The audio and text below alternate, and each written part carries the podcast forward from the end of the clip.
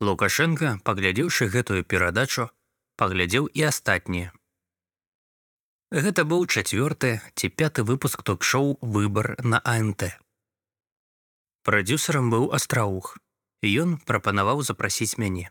Мы калісьці з іх кампаніяй рабілі праспект. Перадачу, якую вёў Павел Шарамет. Таму ён мяне ведаў і ведаў, што я магу. Ну, мы стварылі перадачу, вельмі сучасную на той момант. Гэта зараз такіх шмат. А тады яна была даволі арыгінальнай. На ток-шоу выносіліся амаль рэферэндумныя пытанні за ці супраць, але не проста, а ў нейкай фармулёўцы. Першы выпуск, напрыклад, быў, ці варта дазволіць эўтаназію. Я разумеў, што магу пад ціскам кіраўніцтва рабіць такія невыразныя перадачы. Ну і час ад часу змагу здымаць вострыя і актуальныя для грамадства пытанні. Вось і ўзнікла магчымасць узняць пытанне пра мову.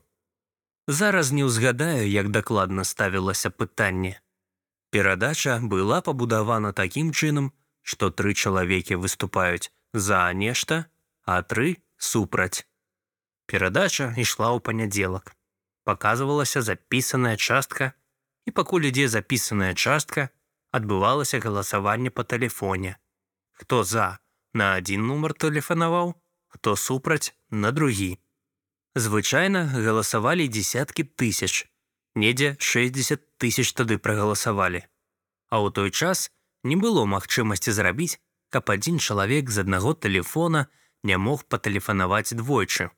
То некалькі энтузіастаў падштурхоўвалі сваіх сяброў шмат разоў галасаваць за беларускую мову.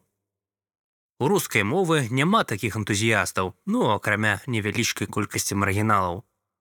Карацей, галасаванне ніяк не адпавядала рэальнай сацыялагічнай раскладцы па падтрымцы беларускай мовы. Больш за 70 процентаў прагаласавала за беларускую мову. Каб было рэалістычнае галасаванне, не ведаю. Набралі б, можа, палову. І гэта было б добра, бо не выклікала б такога абурэння. Гэта была першая перадача ток-шоу выбар, якую паглядзеў Лукашенко. А рыгор кісель, якому час ад часу даводзілася са мной гаварыць, вельмі насцярожана ставіўся да мяне, розныя ідэалагічныя размовы са мной вёў. Хацеў зрабіць рэальна папулярны канал, а без лукашэнкі гэта было немагчыма. А Лукашенко, паглядзеўшы гэтую перадачу, паглядзеў і астатнія, і кісель усё чакаў, што яму Лукашенко скажа. У сакавіку 2003 года нарада была ідэалагічная, яна сумная. Адразу з гэтага часу пачалося закручванне гаек у культуры, моўных пытаннях, ідэалогіі. У гэты час Лукашенко паклікаў да сябе кіселя і сказаў, каб гэтага, назваўшы маё імя, больш не бачыў эфіры. І на наступны дзень мяне зволілі.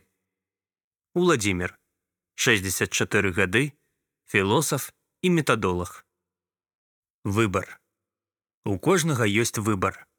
Быць асобай або насельніцтвам.